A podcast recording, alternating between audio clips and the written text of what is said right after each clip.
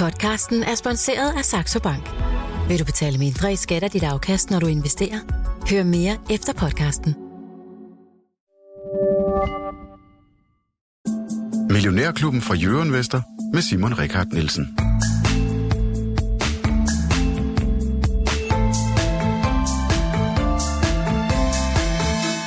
Godmorgen og velkommen til Millionærklubben her fra Jørgen Vester. Det er mandag den 28. november, og der er igen gang i den.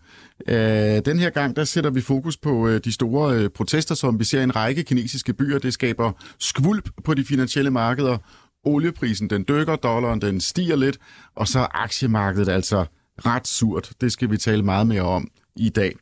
Øh, lige om lidt, så ringer vi op til Jakob Petersen, som er analysechef i Sydbank, og han giver sit bud på, hvad pokker det er, der nu sker. Med i studiet har vi også øh, vores allesammens Lars Svendsen, ja, som er klar til at åbne børsen sammen med mig lige om lidt, og sammen med ikke mindst Joachim Brygman. Velkommen til. Tak, Simon. Æh, du er øh, CEO og medstifter af en, øh, en kommende, det er sådan en dansk øh, startup, som jeg har forstået det. Korrekt. Vi er over i fintech. Korrekt. Det er en øh, handelsplatform Korrekt. med kortagefri handel Yes. med aktier. Korrekt. Ikke nødvendigvis gratis, men det, men Gratis og kortagefri er ikke det samme. Det er Nej, ikke det samme. Det er vigtigt at være transparent omkring. Øh, og så Joachim, du, også, du har en baggrund øh, i den finansielle sektor, øh, så det kan vi også nyde godt af øh, her i løbet af programmet. Men Lav, lad os ja. Ja. komme i gang med det. Børsen er åben. Hvad sker der? Ja, vi er nede med 0,8 procent, og vi, øh, som du jo sagde lidt om, øh, vi, dels har vi jo lige overstået den her øh, weekend med opkø, omsætning i USA, alt det der, det kan vi selv vel også tale lidt om, hvis vi har nogen greb om det. Men øh, det er jo alt det Kina-ballade nu, ikke? og det er jo interessant, øh, at der sker noget i, i riget i midten. Og øh, de skal en regering hen over midten, du. Nå, Nå. men øh, at... Øh, selv bare med at finde ud af, hvor Ikke, ikke midten er. Kina. men, men øh, nej, men det er jo ligesom det, der er det, det, det, det, det, det, det store nu, og hvor meget kan det der gå hen og, og udvikle sig til, ikke? Øh, Men, øh, men, men altså, det har i hvert fald forløbig jo fået den effekt, at øh, dollaren er blevet en lille smule stærkere, det er ikke ret meget, men øh, olieprisen er faldet, og den er nede i 74 nu, og øh, for amerikanere, det der West Texas, øh, et eller andet, Intermediate. Intermediate, ja. Og så har vi øh, ham, Brent Nordsøolien, han ligger på 83. Der er et stort gab, det er faktisk meget stort øh, prisgab, der har været i de senere måneder på nu, altså det er cirka syv, ikke? Og det, det er ret stort normalt gode.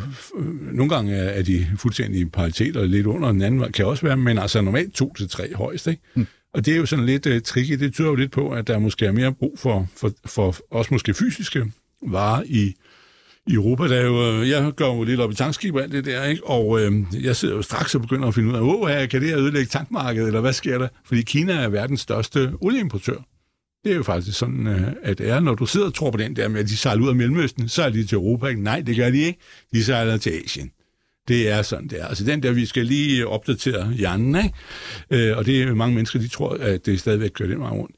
Men, øh, men, øh, men det gør det ikke. Øh, så derfor er det jo, at hvis det, det går i udu derude, så bliver det jo ikke så godt, og det bliver selv altid ikke godt for containerrederierne. Men altså nu skal vi jo lige finde ud af, hvad det bliver, og formentlig, måske bliver han jo øh, fremkommelig. De siger, kan vi tale om nogle forbedringer? Så siger han, si, si, siger han. Mm. Det er, fordi han snakker lidt med sig selv, ikke?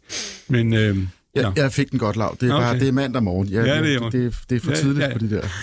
Nej, Det men gik det, det, det gik er, det er, hvad der rører sig. Og så vidt jeg forstod det med, med Black øh, Fridayen, så, så er de jo straks omtalt i, i medierne, som om det var en vældig fest, men altså det jeg så var noget med, at øh, omsætningen var op. Et af dem, i hvert fald det, der øh, var op med 2,5 procent, og hvis inflationen den er, er 8 eller 9 i USA, så er det jo ikke, fordi det, altså, så er mængden jo gået ned. Mm. Så jeg ved ikke helt, om det var så fantastisk, men jeg, har, har du bedre tal end, end, end det? Nej, det synes jeg lyder øh, fornuftigt. Jeg synes, vi har bare lige fået en, øh, en telefon igennem nu til øh, Jakob Petersen allerede fra, øh, fra Sydbank. Jakob, vi havde jo rigeligt på tallerkenen, vi skulle bekymre os om i forvejen. Og øh, i løbet af weekenden, så får vi altså de her meldinger fra Kina, hvor der er store protester i en række større byer. Hvad, øh, hvordan tolker du øh, det her øh, sådan rent finansielt? Hvor bekymret skal man være? Jamen, det her det er jo i og for sig noget, som godt hen over den næste periode, afhængig af, hvordan det udvikler sig, kan øh, skabe ganske stor bekymring. Og der er ingen tvivl om, at, at Kina igennem den seneste periode øh, har været øh, meget belastet vækstmæssigt af de corona-nedlukninger, der har været, og den nul-tolerance-politik, som, som man i princippet har, den fungerede jo super godt øh, i, i den første periode, men, men, men, men kombineret med, at, at de vacciner, som man indtil videre har brugt i Kina, ikke er særlig effektive, Øhm, øh, så, så er man altså i en situation, hvor det er svært bare at lukke landet op, øh, fordi man, man, man simpelthen øh, risikerer en, en voldsom, voldsom smittespredning, som sundhedsvæsenet slet, slet ikke er, er, er gearet til. Øh, så, så det er en kæmpe udfordring for at få styret i Kina. Og, og jeg synes jo også, at det her, det, det her taler jo ind i, i en anden tendens også, der ikke kun er corona-relateret, men, men hvor man måske kan sige, at, at corona er et af, er et af, et af symptomerne på, på, på, på, på det, der foregår i Kina nemlig den her uh, større magt, uh, som, som Xi Jinping han efterhånden har taget, uh, og, og det, det er, at Kina sådan i en eller anden forstand er ved at lukke sig lidt om sig selv. Uh, det, det her er, er, er befolkningens råb om, om, om, uh, om, om forandringer uh, i forhold til corona, men måske i bund og grund også i forhold til, uh, til, til de andre politiske uh, tendenser, der sker i Kina. Mm. Men, men, men hvad siger du til markedets reaktion?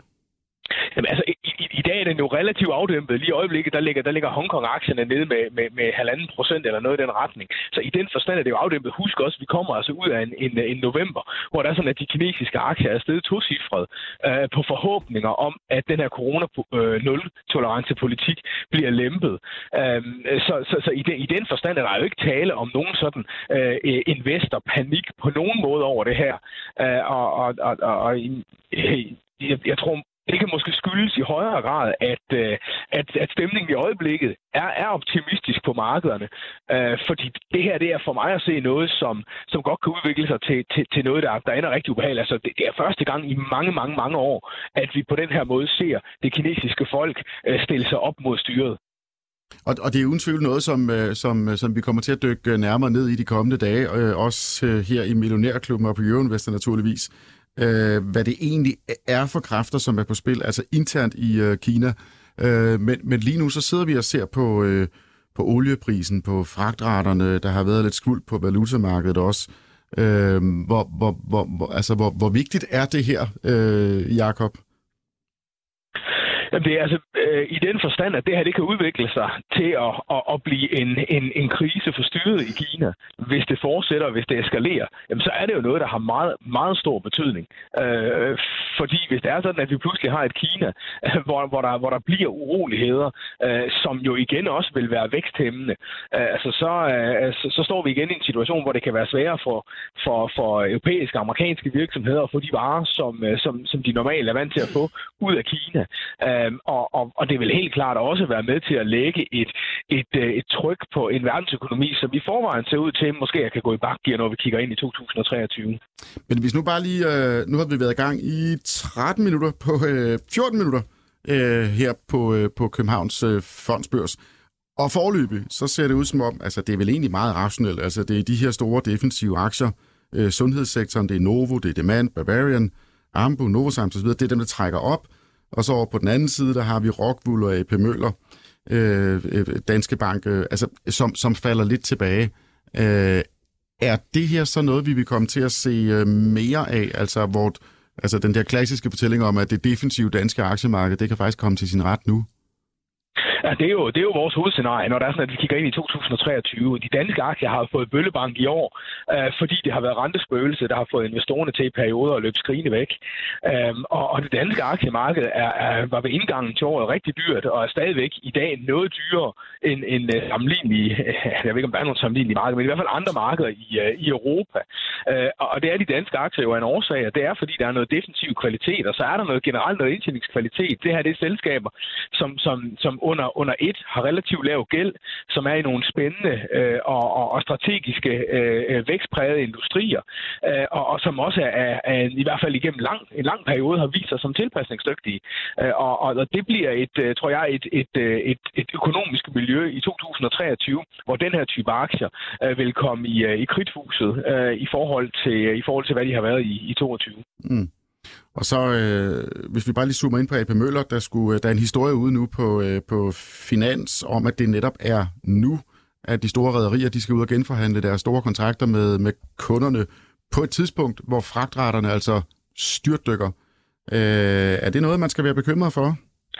Jamen, altså, de anekdotiske historier, der kommer ud af fragtmarkedet i øjeblikket, de er, de er bekymrende. Øh, øh, nu kan man sige, at, at Mærsk og andre rædderier har jo brugt øh, de sidste øh, halvanden to år på at forhandle nogle rigtig gode aftaler med mange af kunderne. Altså kunderne kommer ud af en situation, hvor de har været øh, top nervøse for øh, dels prisen på det, de skulle have fragtet, men også om de overhovedet kunne få, få, få plads på containerskibene. Derfor så er der lavet nogle, nogle kontrakter på nogle øh, relativt gode prisniveauer for, øh, for Mærsk, og, og der er ingen tvivl om, at, at øh, og det er altså kontrakter, som stadigvæk løber noget tid, men i takt med, at de vil skulle genforhandles, så bliver det, så, så, så, så risikerer Mærsk og andre containerrederier, at industrien egentlig er tilbage til øh, øh, ja, øh, til det punkt, den lå på inden corona, nemlig at, øh, at, at øh, der var der så ikke meget indtjening at hente på at sejle container fra, øh, fra A til B. Godt. Øh, Jakob, øh, nu du er igennem, øh, du slipper ikke helt for at tale om flyaktier. Det, det, det er, du er, du jo, jeg har jo jeg bidt mærke i, du er bredt citeret både i Danmark og Norge og, og, og Sverige, når det gælder skandinavisk luftfart. Øh, vi har ikke aftalt det her, så det er okay, hvis du springer over. Øh, jeg bemærkede bare lige, at øh, SAS øh, er røget ind i en ny arbejdskonflikt Øh, nu er det i Norge, det er kabinepersonalet i Norge, øh, som skulle have ulmet her i løbet af weekenden. Øh, der er ingen, der lige ved, hvor den øh, ender endnu. Øh, men, men har du en, en hurtig kommentar til, øh, til, hvad der foregår? Ja, altså det, er, det her det er jo i, i modsætning til, til meget af det andet, vi har, vi, vi, vi, vi har oplevet. Altså øh, pilotstrækken, den kom jo, fordi der var en, en, en overenskomst, der udløbet. Øh, SAS har, har genforhandlet og egentlig fået mere effektive aftaler med en del medarbejdergrupper siden øh, pilotstrækken øh, øh her i sommer. Øh, men vel at mærke i en situation, hvor, hvor overenskomsterne ikke var udløbet. Det vil sige, at man har ikke kunnet strække, men SAS har brug for lavere omkostninger, øh, fordi man er i den her øh, øh konkursbeskyttelsesproces. Øh, de norske kabiner ansatte, som man, som man i øjeblikket er, er på vej i konflikt med, det er, det er en, en øh, medarbejdergruppe, hvor overenskomsten er udløbet, og hvor det er sådan, at man altså øh, øh, har, har tilladelse til som, som medarbejdergruppe at, at, at begynde en strejke, og det vil altså være rigtig, rigtig skidt for SAS. Øh, en, en nærlæsning af den lange, lange, lange og store aftale, som SAS har lavet med, med, med Apollo, altså den her øh, øh kapitalfond, som er inde og låne SAS øh, 700 millioner dollar til at komme igennem den her øh, øh, konkursbeskyttelse den viser altså, at en, en strejke øh, er øh, øh, egentlig at, at sammenholde øh, med en default. Det vil sige, at, at det er en af de ting, der gør, at Apollo kan trække sig fra hele, fra hele aftalen, hvis det er sådan, at der bliver strejke. Så, så, så, så det, er, øh, øh, at det, det er i princippet, at det liv eller død, det her om der kommer en strække eller ej. Men, men, men, men må det ikke også der er et græn af, af, af, hvad kan man sige, konduite og, og fingerspidsgefyld i, uh, i Apollo, uh, afhængig af, hvor, hvor lang, hvor omfattende strækken den bliver, om der kommer uh, hvad hedder det, uh, sympatistrækker og den slags. Uh, men, men, men i princippet, så er det her noget, som kan komme til at gøre ultimativt ondt på, uh, på SAS, hvis det er sådan, at det kommer til en strække. Altså, jeg skal bare lige forstå, altså kan Apollo, øh, altså kan de vælge at trække sig, eller sker der det, at deres øh, lån bliver konverteret til, til aktier, til egenkapital? Nej, det står direkte i aftalen, at, øh, at, at strejke, det er at sammenhæng, det, det er at, at sammenligne med, med default. Altså der, der, er nogle, der er nogle, nogle forskellige ting, som kan udløse default. Det vil sige, at, at, øh, at Apollo kan kræve, kan kræve pengene tilbage og kan egentlig kan opsige lånet og sige, at, at de her penge, dem har ikke længere til rådighed. Og en af dem, det er, det er strejke. Og hvis det sker, er det så slut, siger du? Ja, det, det, det, det må man jo et eller andet sted formode. Altså, man, man, man, man, kan, man, kan, man kan ikke lige øh, stable en ny redningsplan på benene sådan fra den ene dag til den anden. Um, og jeg, jeg kan heller ikke forestille mig, at det er et scenario, som man arbejder ud fra. Uh, og mit bedste bud det er også, at hvis det kommer til en eller anden strække, så vil den blive begrænset i omfang, simpelthen for at, at måske trykprøve Apollo i forhold til, om, om man vil, om man vil hvad hedder det, uh, drive SAS ud i en, i en konkurs på det her. Um, der er heller ingen tvivl om, at, at, at Apollo står jo heller ikke til at, at, at gå fuldstændig fri, hvis det er sådan, at, at, øh, at, at SAS lige her og nu bliver, uh, bliver dømt konkurs. Så, så jeg tror ikke, der er nogen parter, der har interesse i det, men, men for Apollo er det jo også et fingerpeg om, hvor, hvor, hvor, hvor besværlig en medarbejdergruppe man egentlig køber sig ind i, når det er sådan, at man formentlig bliver store aktionærer her henover, her henover øh, første halvår 23. Mm. Hvis det er sådan, at, at medarbejderne i, med den viden, at det her det reelt er noget, der kan drive selskabet i konkurs, uh, næsten fra den ene dag til den anden, uh, alligevel vælger at strække. Men, men lad os så sige, at de, øh, at de lander en eller anden aftale, altså øh, at det lykkes for SAS at, at indgå et forlig. Øh, det er jo en fagforening, som jeg kan forstå, har omkring 500 medlemmer, og, og SAS er jo i gang med den her genopretningsplan, der hedder SAS Forward, hvor de skal finde 7,5 milliarder kroner. Øh, godt nok de der svenske kroner, som ikke er lige så meget værd. Øh, men, men alligevel, har, har, vi noget, øh, har, har vi noget indtryk af, hvad, hvad det kan betyde for, for, for, for den plan? Nej, man, altså, man, man kan sige, at, at det her er jo en af mange, af mange øh, brækker, der skal falde på plads, øh, hvor, hvor SAS er nødt til at skal have nogle indrømmelser, det vil sige højere produktivitet, lavere løn, på samme måde som man i og for sig fik det med, med øh, de øh, piloter, som, som, som tog SAS ud i den her øh, voldsomme strejke hen over sommeren. Øh, Øh, så så, så, så øh, det er en af mange øh, brækker, som skal falde på plads, og, og, og, og, det er klart, at de andre medarbejdergrupper, de vil også kunne skille til, hvad, hvad foregår der her. Der vil være kabineansatte i Danmark og i Sverige, som i øjeblikket sidder og, og, og er ved at blive forhandlet ned i løn og op i effektivitet, selvom deres overenskomster ikke er udløbet, som også kommer til at skille til, hvad sker der i det her, som, som, som pejlemærke for, jamen, hvor er det, vi kan forvente, hvor, hvor store forringelser er det, vi kan forvente. Jakob Petersen, øh, Tak fordi du til gengæld var meget fleksibel og samarbejdsvillig, øh, så vi røg fra, øh, vi, vi flår helt fra Kina til øh, skandinavisk luftfart. Øh, jeg, jeg kunne ikke dy mig, nu du er igennem. Så, øh, det er jo en simpelthen ingen problem der. ja, tak for hjælpen. Ja, det var så let. Der er god dag til jer. Tak lige måde.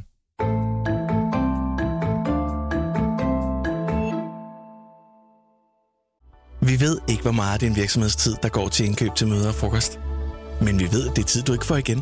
Hvis du lader nemlig erhverv stå for indkøbene, så får du mere tid til det, der betyder noget. Det kan vi vist alle bruge. Nemlig også til erhverv.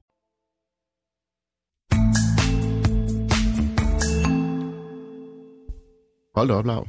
Ja. Så er den igen. Han er den eneste, der rigtig tager sig af det her. Nå, men det er jo lidt, det er jo lidt interessant, fordi øh, der er jo mange, der også har penge i klemmen af firmaer, ikke? Mm. og blandt andet Danske Bank var jo ude over rumstjernerne. Jeg ved ikke, hvem de er, men... Øh, nej, det var vel Norwegian, de var ude og rode rundt i, ikke? Men altså... Ja, de var, de var, de var rigtig store aktionærer i, uh, i Norwegian i, ja. uh, altså hvad er det nu, det er efterhånden ja, 3-4 år siden, ikke? Det blev ja, ja. fuldstændig udraderet. Ja. Men altså, det, det er jo lidt problematisk, det der, ikke? Fordi det... Hmm, Altså, og det er også det, jeg mener også faktisk, at Jacob Pedersen har sagt det flere gange, at, at investorerne skal jo altså passe frygteligt på, fordi bare det der med, at en aktie koster 40 øre, og så siger de, oh, hvis den stiger til 50, tjent 25 procent, ja, det er jo meget sjovt, men øh, altså, generelt set, så har det jo bare været down the drain, ikke? Øh, så, så det er meget, det eneste flyaktie, jeg øh, godt kunne gå hen en dag og købe snart, det er faktisk øh, Lufthansa, øh, som jo også har måttet få nye penge ind for, at de skulle, det var alt det der med, at de ikke måtte få statsstøtte, så skulle de lave en aktietegning, alt det der. Men, øh, men, men øh, det, det, øh, altså når, når alt det her, når verden bliver god igen, så er det jo nok ham, Europa, som, som, øh, som kommer til dem, fordi de andre også selv, øh, de her lavprisselskaber, der og der er en, der hedder, hvad hedder det, Wizz Air og, og Easy, de har jo Easy for eksempel haft det temmelig dårligt, øh, så øh, det er altså ikke noget... Øh, jubelindustri, og så er øh, Norwegian jo formentlig været nede så meget ned at vende, at han er øh, nogenlunde øh, på, på den rigtige vej opad. Ikke? Mm. Ja, det, er ikke, det er ikke noget... Nej, Men man skal altså, ikke penge i det der. Endnu et drama, og endnu en gang står øh, SAS altså i en situation, hvor det er liv eller død, hvis vi, øh, hvis vi bare lige citerer øh, Jakob Petersen. Ja, man må bare sige, at som, altså, man skal jo bare se på det der som... Altså, dels er der sådan noget trafikinformation, så det er jo det, han har dernede, og så jeg lukker det i morgen, eller flyver de, skal jeg købe billet. Men det er jo rigtig nærmest det, du kan bruge det til, fordi som investor skal man bare holde fingrene væk. Mm. Og sige, ved du hvad, øh, jeg gider ikke spille på rødt og sort øh, i et spil, hvor sandsynligheden for, at det bliver rigtig godt, den er ret lille. Der bliver jo udlavet en kapitaltilforhøjelse på et tidspunkt, hvis de kommer ud af skoven. Og så bliver man jo helt, helt, helt udvandet. Så det er jo... Øh, altså, øh, det eneste aktionæren har at handle med, det er, at øh, det er en betydning, at de er børsnoteret, så man kan udstille nogle nye aktier, men men altså, der er jo ikke nogen, øh, de er jo oppe af muren, så nej, bliv langt væk for det. Mm. Godt, lad os, øh, nej, lad os blive lidt ved der SAS. Nu, nu, nu, nu skal vi lige have Joachim øh, øh, på banen her. Ja. Øh, velkommen til. Tak. Nu, nu, nu kan vi lige trække vejret to sekunder. Øh, vi skal høre lidt mere om dit projekt øh, Pluto, øh, som er, som jeg forstår det, sådan en form for Robin Hood. Øh, Altså en, en, en gratis, siger jeg lige gåsøjne, mm-hmm. en, en gratis handelsplatform, altså hvor man ikke betaler kurtage. Mm-hmm. Øh, til gengæld så er der nogle andre omkostninger ved valutaveksling, for eksempel. Øh, men, men du kommer jo til på et tidspunkt, når I bliver lanceret. Er det til sommer? Til sommer. Ja, vi, sommer. Venter, vi venter på finanstilsynet, så hvis der er nogen, der lytter med, så må de gerne uh, ja. haste behandle vores sag derinde. Men, her, uh, hermed, ja, hermed opråb sendt videre uh, til Østerbro i København. Uh, men, men det bliver jo spændende. Du kommer til at leve af de her penny shares, blandt andet. de er enormt populære blandt øh, private investorer. Altså, øh, Lav var inde på det der med, at man har øh, ofte det her fænomen på markedet, altså hvis en aktie er faldet, faldet, faldet, så bliver den lige pludselig afregnet i øre, i stedet for i kroner, og så tror alle folk, det er, det er meget, meget billigt. Vil, vil I gå ind øh, og oplyse om sådan nogle ting? Altså, kommer I til at have sådan en, en rådgivningsfunktion, om ikke en aktieanalyse, men altså, hvor I går ind og, og, og kommer med noget indhold, som gør øh, din fremtidige kunder opmærksom på sådan noget her? Ja, altså det jeg vil lige først og fremmest sige, at vores forretningsmodel er jo den samme som Saxo Banks og Nordnets forretningsmodel, med den undtagelse, at vi har fjernet quotation. Men alle de andre ting, man betaler Saxo og Nordnet for, vil man også betale os for. Eksempelvis valutaveksling og muligheden for at opgradere til et abonnement, hvor man så får nogle ekstra ydelser. Øhm, og hvad angår det her, altså, vi skal lige sige, at vores, vores targetgruppe, det er jo ligesom den nye generation af investorer, øh, typisk mellem 18 og 35 år, som vi jo ligesom ser driver rigtig meget af den her vækst på global plan. Uh, typisk så har det været sådan, at den gennemsnitlige nye investor har været omkring 50 år, og nu ser man ligesom en international strømning, hvor et gennemsnitsalderen er helt nede et sted lige under 30 år. Så med en ny generation af investorer mener vi også, der følger et behov for en ny generation af produkter. Øh, og det er rigtigt, at det er en generation, specielt når vi snakker Gen Z, altså typisk mellem 18 og 25 år, så er det nogen, vi har set have en enorm høj risikovillighed de sidste 5-6 år. Og øh, det er jo det sure med det søde. Det gode er, at de givetvis får en masse lærepenge, men det kan også være dyrt betalt nogle gange. Uh, vi mener dog ikke, at vi skal ind og yde investeringsrådgivning. Uh, vi har set et problem i, at folk i alt for høj grad bruger, lad os sige, Reddit uh, til at identificere de nye meme stocks og købe ind på det. Og når man har de her åbne online fora, så får du en enorm biased informationsstrøm. Så vores take er i stedet for, at man kan lave en gruppe med sine venner og sin familie, og dem man reelt set stoler på. Og så har vi implementeret noget, der hedder uh, Transparency by Design. Det vil sige, hvis man laver en gruppe med sine uh, tre bedste venner, så kan man ikke skjule noget. Så deler man altså per default al information, så vi sikrer, at man ikke kun bliver eksponeret for, når en ven, ens venner har lavet en rigtig god handel. Mm. Så det er den måde, vi ligesom takler det her læringsaspekt på. Altså, så der kommer form for social mediebygget ind over i platformen, eller hvordan skal man forstå det? Ja, præcis. Så man kan have en gruppe med sine venner, og når man så laver en handel, så vil den automatisk blive delt som en notifikation på ens venners telefoner, og så kan man ligesom have en kvalificeret diskussion omkring, når man, hvad tænkte du, og hvorfor gjorde du det, og hvornår tager du profit, og hvor ligger din stop loss, og mm. etc. Og så tror jeg, det er vigtigt, at de unge mennesker, nu kommer der lige en fordom for mig, at de, har, at de lytter til sådan nogle, øh, som, som lav bare en gang imellem. Altså, fordi der var jo sådan en ekokammer, øh, kunne man godt fornemme i 2020-2021, hvor øh, altså, der, det, det væltede ind med unge mennesker. De kunne mm. ikke komme i byen, og der var ikke Champions League, de kunne ikke spille på noget. Øh, der blev ikke brugt dumme penge øh, på bar og så videre. Og så skulle man på aktiemarkedet, så skulle man have noget krypto, og så skulle man have noget Norwegian, og altså, der kørte bare de der historier rundt. Det var meget tydeligt at se. Øh, tror du, at de, øh, de stadigvæk er der ude? Det tror jeg helt sikkert. Altså jeg tror helt sikkert, der har været to komponenter af det, jeg vil kalde coronaboomet. Øh, det ene, det er cyklisk. Og det er simpelthen, at når folk keder sig og ikke har andet at lave, så vil de begynde at investere, og så var det desuden mega gunstige markedsvilkår, efter at markedet ligesom bundet ud der, efter første bølge af lockdowns i Europa i hvert fald. Øh, og så er der ligesom den strukturelle del. Og den strukturelle del, det er altså, at vi ser den her nye generation komme på aktiemarkedet. Og det er ikke fordi, at der var de her cykliske faktorer. Det var ligesom en, en forstærkende faktor. Men du har også bare set, at handelsplatformen er blevet meget bedre, meget billigere og meget mere brugervenlige. Plus, at du har en ung generation, som er blevet holdt uden for boligmarkedet, fordi det er blevet unaffordable, specielt i de store byer. Så du har altså de her, den her unge generation af investorer, som er op, også er opvokset i et negativt rentemiljø, som bare er ude og jage afkast. Så derfor tror jeg også, der er en meget strukturel faktor i den her store tilvækst af unge investorer. Mm. Hvad, gør I noget specifikt for at få fat i den, øh, den øh, målgruppe? Jamen altså, vi har jo fulgt med i uh, Alex Varnovslavs valgkamp. Uh, uh, der til har TikTok virket fremragende, så vi har hyret en, en 13-årig uh, TikTok-manager, som står for, uh, står for vores, uh, vores medieindhold, uh, og han, han gør det godt. Uh, nu er vi lige ved at vi har eksperimenteret lidt i USA, så nu er vi ligesom ved at vende snuden hjem og, og bygge det hele op omkring uh, vores danske lancering her til sommer. Hmm. Uh, men man skal jo være, hvor de unge er. Uh, og uh, ja, jeg er, jo, jeg er jo ikke engang ung nok til at være i den kategori længere. Jeg, jeg... Nej, lad os lige få din historie. Du er, hvad var du, 32? 32 år, uddannet uh, kan polit, altså økonom, uh, som uh, jeg kunne forstå, uh, min medværter i dag også er. Ja, ja, vi har sådan lidt Ganske fornuftigt.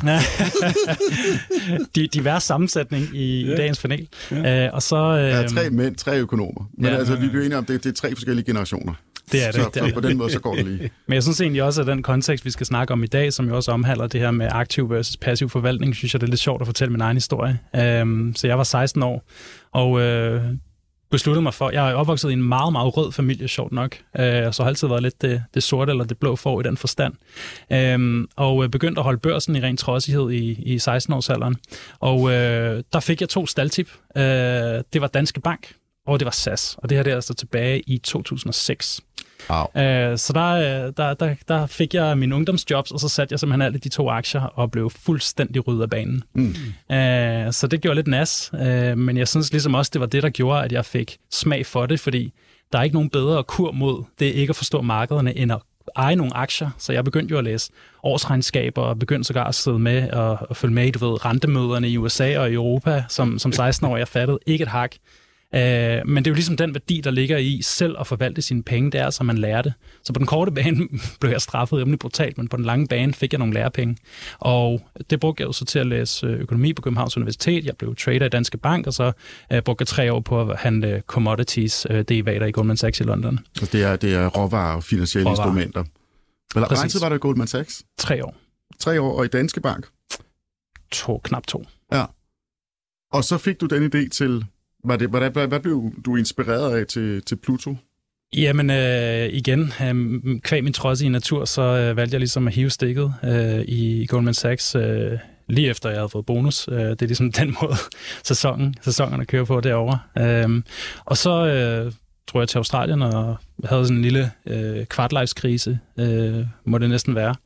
Og så startede jeg min første virksomhed blandt andet med Martin Thorborg, øh, hvor vi lavede bestyrelsesrekruttering. Øh, det hed Enboard, og øh, gik sådan set øh, fint, men det var bare ikke lige mit métier at, at være recruiter, fandt jeg ud af. Men jeg fik ligesom smag for iværksætteriet. Og så min, min gode partner Oscar og jeg, vi kiggede os omkring og tænkte, det her det var så i starten af 2021, og tænkte, Uh, fintech, det er det, vi interesserer os for, det er det, vi er gode til. Vi synes at vi er gode iværksættere, uh, men det skal bare være noget, vi brænder for. Og så kunne man ligesom se, at i udlandet, øh, uh, Robinhood i USA har gjort rigtig mange ting rigtigt, også rigtig mange ting forkert, men der er ligesom kommet de her kortagefri investeringsplatforme i hele verden efterhånden, med undtagelse af Skandinavien, som sådan set ligger lidt som det, vi kalder et blue ocean. Og så tænkte vi, lad os gribe bolden og håbe, at vi er de første, der rammer markedet og ligesom kan lancere et produkt til den nye generation af investorer. Og, og det, som Robin Hood jo især slået sig op på, det er jo øh, optioner. Ja. Øh, som jo altså bare for få år siden var blevet betragtet som noget altså virkelig eksotisk, meget kompliceret. Det er forbeholdt de helt store, meget avancerede investorer, hedgefonde, måske nogle pensionskasser, bruger det til noget meget sådan seriøs afdækning af nogle markedsudsving, du står og nikker. Øh, men, men det blev brugt øh, nu af, øh, af Robin Hood og millioner af nye investorer i USA, så, altså som, som rent dyrket spekulation, rent casino. At, er det den samme vej, I vil gå? Nej, jeg tror ikke, vi vil helt derud. Uh, jeg tror, Robinhood de har gjort et par ting forkert. Uh, for det første så løj de om deres forretningsmodel. Og det er en rim, rimelig dårlig udgangspunkt, når man er i et meget reguleret space, hvor det handler meget om tillid. Uh, og den anden ting, det er jo så, at de har gamefaret det her helt vildt. Uh, og optioner er jo ikke blevet mindre kompliceret rent matematisk, bare fordi det er blevet brugervenligt. Øh, og jeg tror, der er relativt mange, der er imploderet her over de sidste øh, 12 måneder øh, af Robinhoods brugerbase, og det ser man jo også, de bliver straffet for nu. De har været det, jeg vil kalde meget short-term greedy, øh, hvor de måske burde have været lidt mere long-term greedy. Så, så vi, vil ikke, vi vil ikke ud af den tangent. Øh. Hvad så? Altså, hvad, hvad er så den, den, den store edge øh, øh for jer? Jamen, edgen er, at vi har lanceret et super, super øh, brugervenligt produkt, øh, hvor man kommer til at kunne handle aktier i fraktioner, så man kan investere 1000 kroner i Mærsk, hvis det er det, man vil. Øh, og så er det kutagefrit, det er socialt, øh, og øh, ja, så prøver vi ligesom at, og, og gøre de finansielle markeder en lille smule mere sexet, øh, end hvis man går ind på Bloomberg, CNBC øh, og, og mange af de andre konventionelle kanaler, som jo ligesom snakker til det her meget professionelle segment. Jeg tror, der er behov for at tage det her ned i øjenhøjde, så selv nye investorer kan være med og synes, det er spændende, uden de føler sig fuldstændig intimideret. Mm. Og så ved du har nogle, nogle, nogle skarpe holdninger til, til det her med at være aktiv versus øh, passiv. Øh, hvad, hvad er sådan den, din overordnede holdning til, den store debat? Ja, men jeg tror, det afhænger meget. Jeg synes ikke, der er noget entydigt svar, øh, men, men jeg synes, øh, det handler meget af, hvilke øjne man anskuer det med. Øh, fordi hvis man er et, øh, lad os sige et ægtepar i 50'erne, der har en fin karriere og sådan set ikke interesserer sig for aktiemarkedet eller intention om at lære det, så er der ingen tvivl om, at passiv investering er det rigtige. Øh, altså passiv i den forstand, at man måske selv øh, går ind på Nordnet og køber nogle øh, ETF'er, eller, eller for den sags skyld øh, får en porteføljeforvalter til det. Øh, men jeg synes ligesom, den her diskussion har taget udgangspunkt i det meget traditionelle segment, som typisk vil være i 50'erne. Øh, og når man kigger på ligesom den akademiske litteratur på området, efficient øh, market theory, øh, capital asset pricing-modellen osv., som måske bliver lidt for nørdet. Men, men så handler det jo udelukkende om, hvordan man maksimerer sit afkast. Og jeg tror, når man kigger på den unge generation, altså folk mellem 18 og 30 år, så er der nogle andre faktorer, som man ikke hidtil har taget i betragtning i den akademiske litteratur. Øh, og der er, der er et par ting. Øh, for det første, så er der det her med, at øh, segmentet er meget yngre, og det betyder, at den unge generation meget gerne selv vil vælge, hvad de putter i munden. De vil selv vælge, hvilke tøjbrands de går i. De vil selv vælge, hvilke brands de støtter, og det skal være noget, de kan identificere sig med. Øh, og det er jo netop derfor, mange af de her consumer-aktier ofte er elsket af retailer med store. Det er fordi, de kan identificere sig med brandsene, som har nogle værdier, som de ligesom aligner med. Så det er den ene ting, og det er jo ikke noget, man får, hvis man går den passive vej. Og den anden ting, det er så det her med, at, øhm, at, at der også er et læringsaspekt.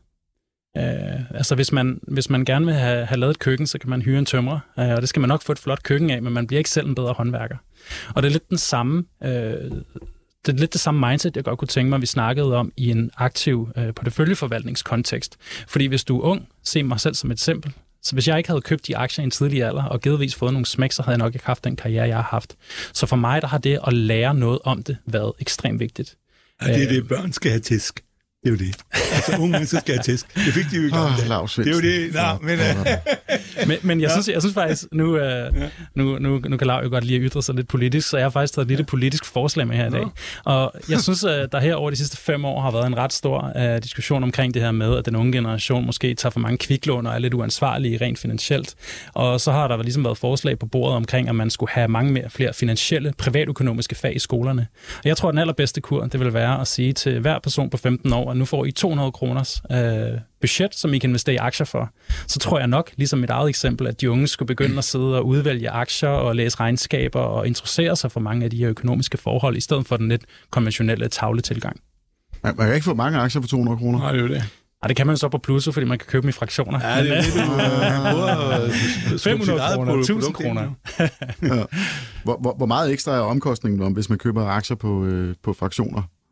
Der er ikke nogen ekstra omkostning. Det er ligesom, øh, ja, hvis man køber hele aktier for den sags skyld. Men, men, I, men I køber vel, øh, I, I skal vel selv have aktierne på bøgerne, eller hvordan fungerer Nej, vi bruger, en, øh, vi bruger en partner i USA til det. Altså der, der er en modpart derovre? Ja, så vi bruger partnere, der er direkte linket ind til børserne, og som ligesom tager kagen, som er en aktie, og skærer den ud i mindre stykker, så man kan købe lige præcis den størrelse, man gerne vil. Så der, så der, er, vel, der, der er vel det, der hedder en modpartsrisiko? Altså hvis jeres partner ultimativt går ned, så er det ikke, altså man får ikke aktierne ind på så det står i et, i et depot, og så er der jo privat ejendomsret, det er beskyttet af grundloven. Det er dine aktier, uanset altså, hvad der sker med øh, øh, øh Nordnet eller Saxo eller Danske Bank, øh, hvad det nu kan være, øh, så, så har man jo sin, sine værdier stående øh, hos en tredje part, altså som er tinglyst osv. Det er dækket af de samme vilkår. Altså det er noget, der er relativt nyt, skal lige sige, så ja. regulatorerne de er stadig lidt ved at finde ud af, hvilket ben de skal stå på. Men for det første, så er der jo investorgarantiordning i hele EU, som dækker op til 100.000 euros. Og når vi snakker på aktieniveau, så i USA, der er en lignende øh, ordning, som også dækker mm. øh, fraktioner.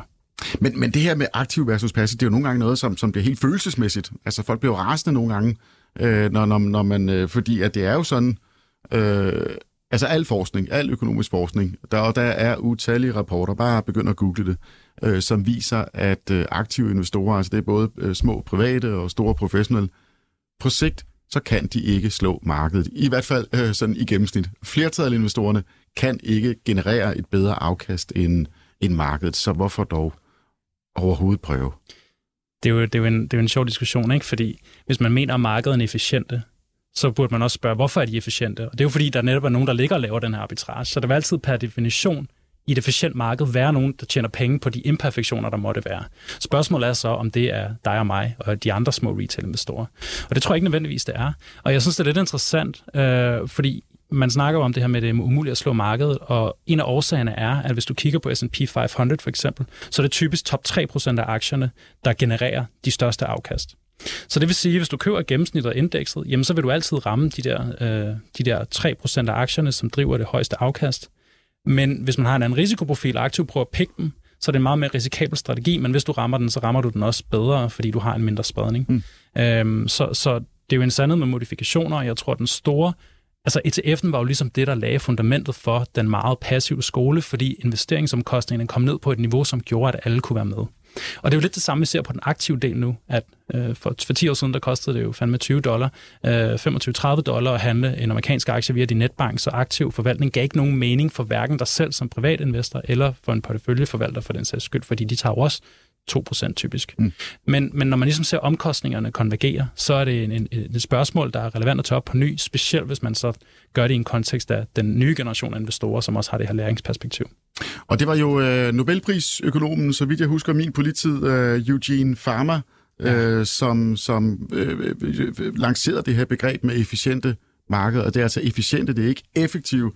Og den korte forklaring på det er, at på et hvert givet tidspunkt, øh, på markedet, hvis du har en aktie, whatever det nu er, øh, så er kursen, den har øh, indregnet al tilgængelig information.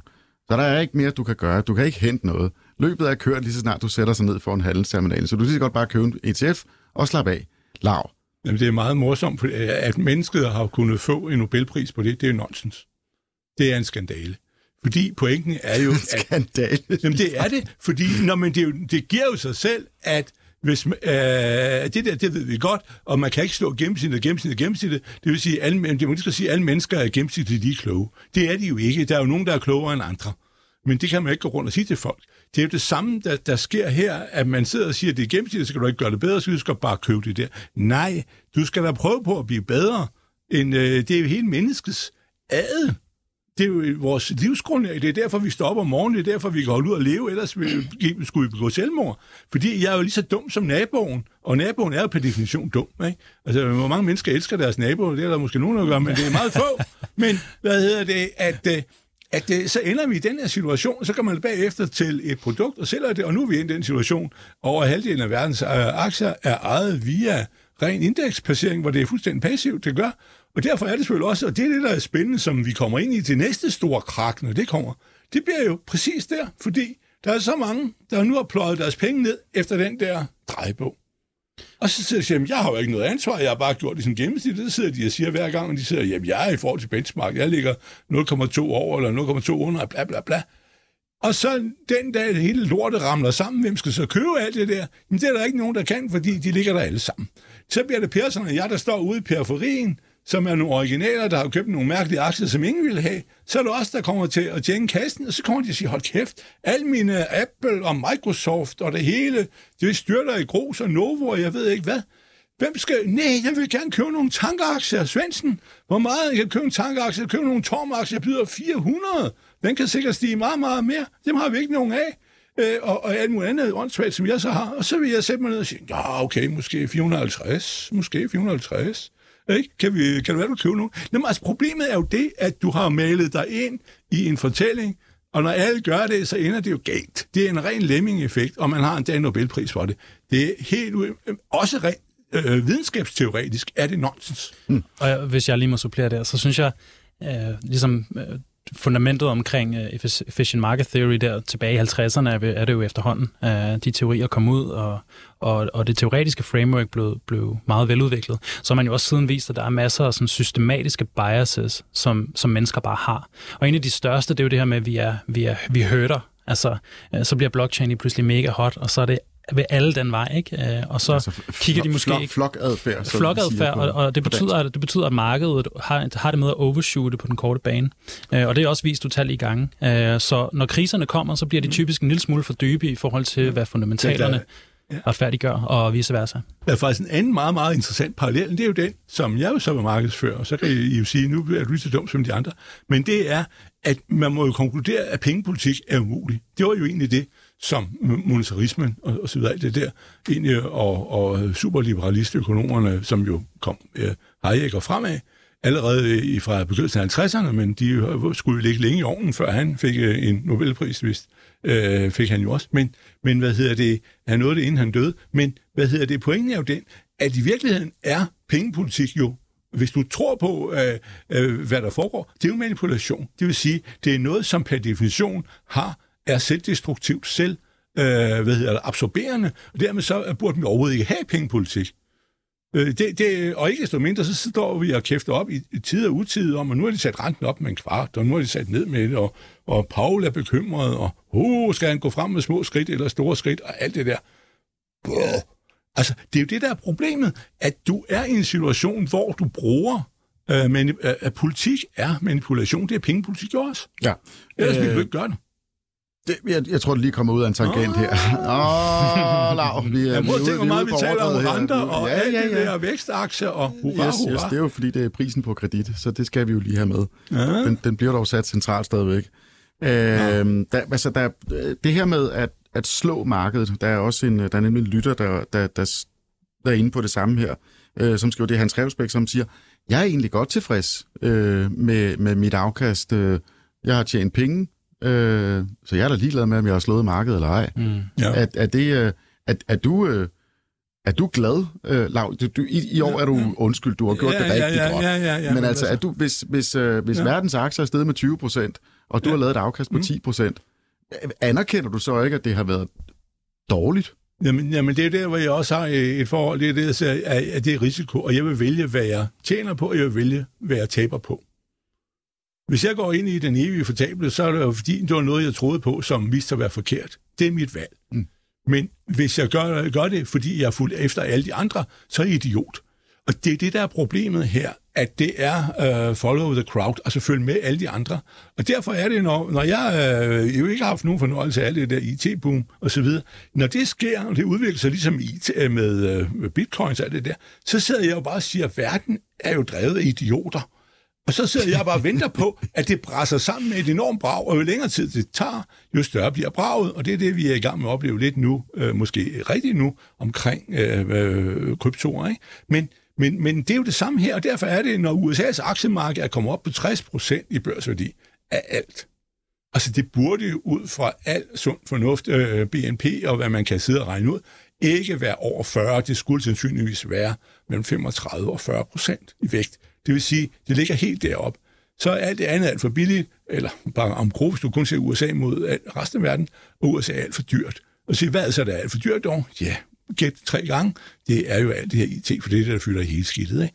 Altså, øh, øh, men, men det er sådan, det sker, og hvis det, hvis det stiger yderligere, og Microsoft, og vi får et, et rebound i IT, så vil jeg være bagud i forhold til det. Og så vil, hvad vil jeg så sige? Jeg vil sige, hold kæft, de er jo ikke rigtig kloge. Det jeg eneste, jeg er bange for på det punkt, det er jo, at der kommer så stor en sten ned i vandet, når det styrter i grus, at øh, det skyller mig øh, væk som en anden tsunami. Mm. Det er det, jeg frygter. Det er den kollektive markedsmekanik, fordi de bliver ruineret, men ellers øh, er jeg jo sådan set tilfreds. Øh, og, og derfor er det, jeg, jeg står ikke her over hurra, øh, fordi at nogle mennesker bliver ruineret øh, på bitcoins og alt det andet, der styrter i grus. Men jeg sidder og siger, at det er din egen skyld, og se at komme væk fra det lort i en tid. Og det er samme, jeg siger i IT. Kom væk fra det lort i tide. Det er ikke faldet, det er ikke nul værd, men det er ikke faldet nok endnu. Mm. Og det er det, der er din opgave. Og så må du sidde og vælge. Jeg tror på, på, uh, på Elon Musk og alt det andre, der er for- folkeforfører. Så hopper jeg på dem. Det er fint, så gør du bare det. Men, men du må da bare lade være at græde den dag, at du, Du skal... peger meget på mig, altså. Ja, Jeg ja, har ja. ikke sagt Nå, men du har jo... Jo, du står Du skal pege her. herover, det er mig, der tror på nej. IT. Nå, men Ja, ved det, når, Elon Musk Jeg har og også det hele... prøvet at forklare Laura, at IT er en ting. Altså, han selv en fintech-virksomhed. Han står med sin Apple-telefon og hans øh, laptop Men det sjove er jo faktisk, jeg, Nå. jeg, jeg vil jo skrive... Jeg lige- lige to sekunder. Vi skrive lige, hvis jeg lige må gøre det færdigt. Et lille artikel om det, nu kommer der en om GN i dag, jeg har skrevet, men øh, om, at rigtige aktier er faktisk mange var. Det, det er det, rigtige aktier. Men der er masser af ubegribelige mængder af L, O, og så kan I selv tage de sidste to bogstaver.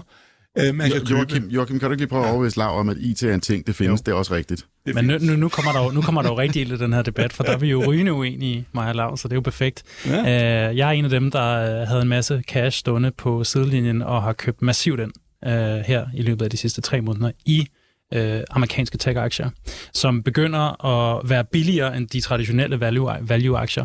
Hvis du ind og kigger på Jeg skal lige spørge dig, når, når vi siger øh, tech-aktier, hvilket, hvor er vi henne i det segment? Fordi der er jo alle dem, der ikke tjener penge, og så er der dem, der tjener rigtig mange penge.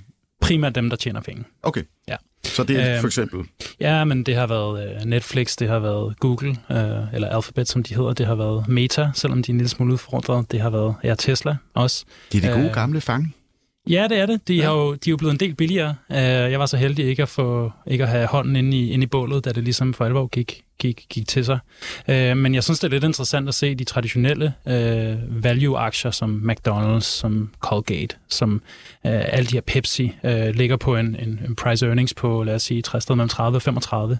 Og nu kan du altså købe nogle af de her tech-aktier, som stadig vækster, er hammerne profitable og har alt for mange ansatte i forhold til, hvad de burde til en multiple ned omkring 20-25 på, på price earnings. Ikke?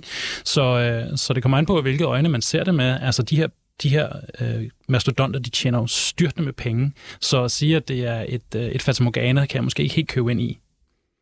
Men, men når de tjener styrtende med penge øh, øh, nu, er det ikke et spørgsmål om, at det er fordi deres vækst øh, er aftagende.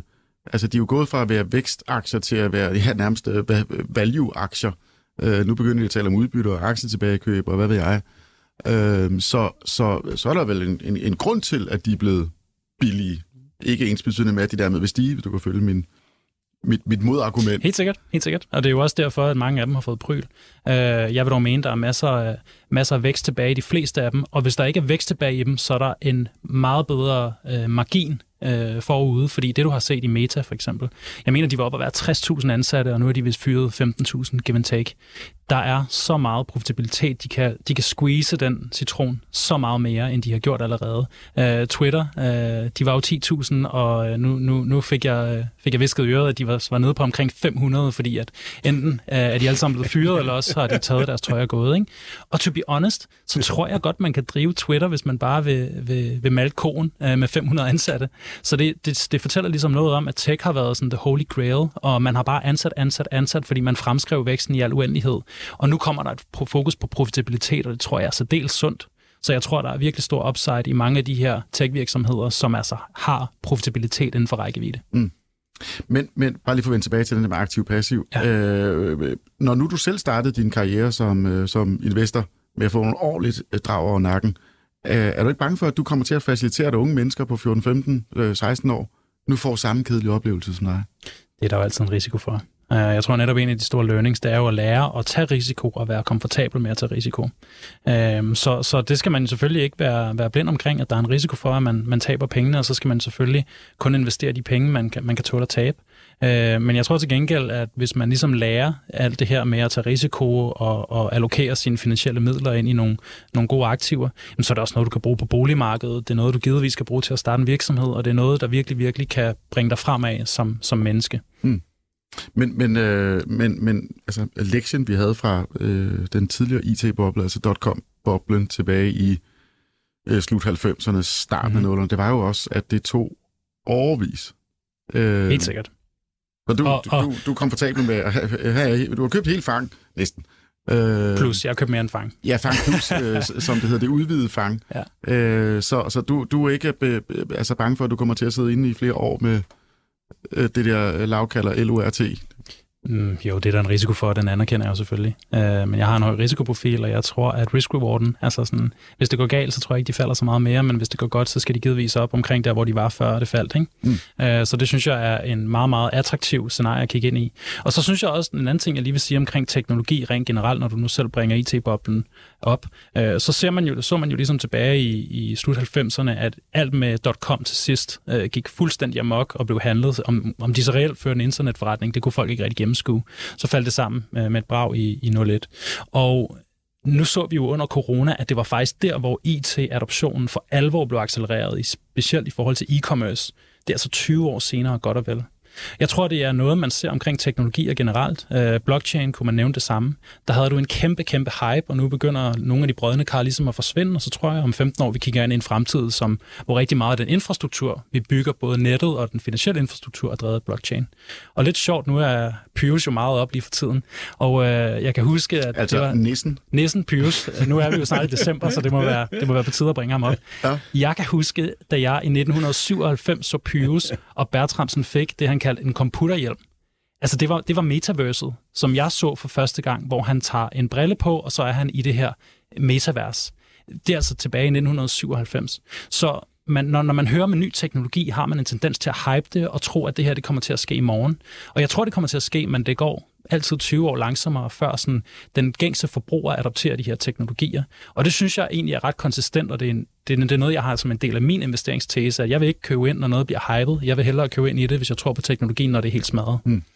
Må jeg lige spørge dig, nu vender jeg lige tilbage til det Pluto-projekt, det er jo det, som vi også skal høre noget om her jo. Men altså, er det, at man kan handle aktier på sin mobiltelefon, og at det er i i, i dele, og sådan, så man kan være med for, for 100 kroner. Altså, eller, hvor, hvor var ligesom det, det store? Altså, er det, er det Nordnet og Saxo Bank i, i mobiludgave, eller hvad, hvad, hvad, hvad, hvad er det egentlig? Ja, man kan jo også handle fra sin mobil på både Nordnet og Saxo, ja, det så det er jo i sig selv ikke en differentiator, øh, afhængig af, hvor fede fingre man har. Ja, ja. Øhm, men det er mig, der er fede fingre, det er vi indtid til. Du har sgu da selv sådan en smarttelefon.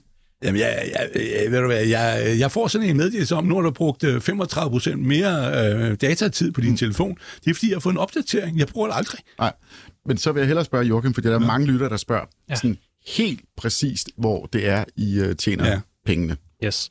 Så der er to betalingsstrømme. Det ene det er, at når man handler, hvis du kigger på de konventionelle handelsplatforme i dag, som vi alle sammen kender, så er der to store betalingsstrømme. Det ene det er kortage. Den har vi scrappet og sagt, den øh, sætter vi til 0. Og den anden ting, det er så valutaveksling. Så hvis du køber en aktie alle steder, så handles den i dollar på den amerikanske børs, så et eller andet sted, der sker der en valutakonvertering. Og den betalingsstrøm har vi stadig holdt fast ved. Så det er den primære betalingsstrøm. Det er altså, når man handler ikke danske aktier, så veksler vi pengene, og der lægger vi så en halv procent oven på interbank øh, valutakursen, som er referencepunktet. Og altså, den anden, koster en halv procent i valutaomveksling? Ja. Wow. Det er dog noget. Men til gengæld, så kan man investere for 100 kroner, og så betaler man jo 50 øre. Ikke? Man kan sige, det vi gerne vil gøre, det er ligesom at give alle adgang til de finansielle markeder. Og i dag, hvis du vælger en af de konventionelle platforme, så skal du bare have, lad os sige, 15.000 kroner plus, før det overhovedet giver mening, ellers så bliver du spist af minimumskotager. Hvad, hvad, hvad med data fra, øh, fra jeres øh, kunder, altså hele det der orderflow, dybden osv.? Øh, sælger I det til tredjeparter? Nej, det må man ikke i EU. Det må man ikke i EU. I EU er man underlagt MiFID 2, som det bliver meget hurtigt kedeligt at snakke om regulering, men nej, det må man ikke i EU. Så øh, vil det være sådan, at man for eksempel ville kunne købe en, en helt almindelig aktie, mm-hmm. som ligger i Novo Nordisk, mm-hmm. i Danmark, i danske kroner, mm-hmm. gratis? Ja. Eller er der abonnement? Eller... Ja, så kommer der så et abonnement, hvis man vil have nogle ekstra services. Uh, nu er vi jo først live til sommer, så vi sidder stadig lidt og, og, og og, og modellere. Øh, men en af de ting, vi også gerne vil, det er at have en, øh, en abonnementsordning, hvor man for eksempel kan få øh, aktiesparekonto og overveje vi at gøre en del af det, øh, øh, ligesom lægge det bag en betalingsmur, øh, og så vil der også være andre privilegier som live data. Hvad så, Lav? Hvad siger du? Er du fristet? Nej, nu, nu er jeg jo sige på nu er jeg så gammel og konservativ større, at jeg mener jo, at, øh, som jeg siger nogle gange, som min kone siger, rocker også mennesker, så siger jeg, ja, banker også mennesker. Og det, altså, jeg, jeg kan godt lide en konservativ bank. Altså, fordi, når man, altså, alt kommer til alt, så er jeg jo interesseret i, at øh, hvis der kommer en ordentlig krise, at så den bank, øh, Finanstilsynet har gjort sit arbejde, og hvad det er, Øh, tusind ansatte, og hvad det er derinde, øh, sådan så de ikke går på røven det er jo sådan set det, der er det vigtigste. Jeg kan godt betale, jeg betaler jo en kvart procent i kortage stadigvæk, og sådan noget. Altså alt det der, det er jeg ligeglad med. Det kan jeg godt leve med, men, men jeg vil jo have, at banken overlever. Det, det, det der er, er for mig det, det, det vigtigste. Øh, og derfor kører jeg ikke ind i, øh, og kun i, i, i sådan noget eller andet mærkeligt selskab, som har en hjemmeside, og så dagen efter, øh, hvor er de henne? Nå, men det, det ligger i forsvundet kryptoland. Altså, det, det der er mit... Øh, indgangsvinkel til det. Derfor er det også se som dit butik der. Den skal altså have et godt stempel fra Finanstilsynet for, at jeg synes, at det er jo det, vi kan bruge Finanstilsynet til. Mm. Det er jo det der med, så siger man, jeg har et ordentligt stempel og så videre, og hvis du har øh, 2 millioner kroner i indkapital tilbage, eller du siger, du har haft syv, ikke? og du har brændt nogle penge af og bygget op, og så øh, har en milliard i, øh, i balance, og det hele øh, forsvinder væk, så hvor er mine penge så hen? Det er jo, øh, altså, det er sådan set min øh, store anke. Det er ikke alt det der med at købe til, til, til ingen penge. Altså, det gør ikke noget. Og det skal lige siges, at det der helt tunge stempel fra Finanstilsynet, det er vi i gang med, og det har vi snart brugt et år på. Så øh, de og, er og I godt eksisterer jo ikke endnu. Øh, vi er ikke live endnu, nej. nej. Det, vi, venter, vi venter netop på Finanstilsynet. Hvad med sådan noget som automatisk indberetning til skat? Er det noget, man kan forvente også, ja, eller skal man selv lægge rode med det? skal man, når man er fondsmæler i Danmark. Okay, så I, øh, I klarer alt det praktiske yes. på den måde der.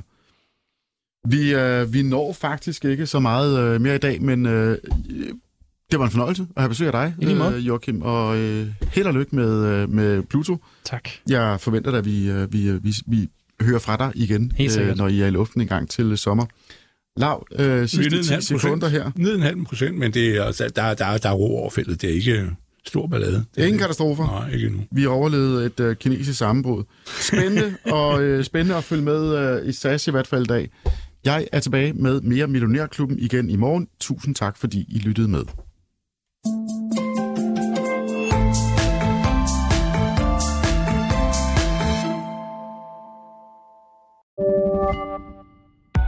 Podcasten er sponsoreret af Saxo Bank. Vi skyder året i gang med nye lave priser, så du kan investere til nogle af markedets laveste priser og beholde flere penge til dig selv. Mindre til banken, mere til dig.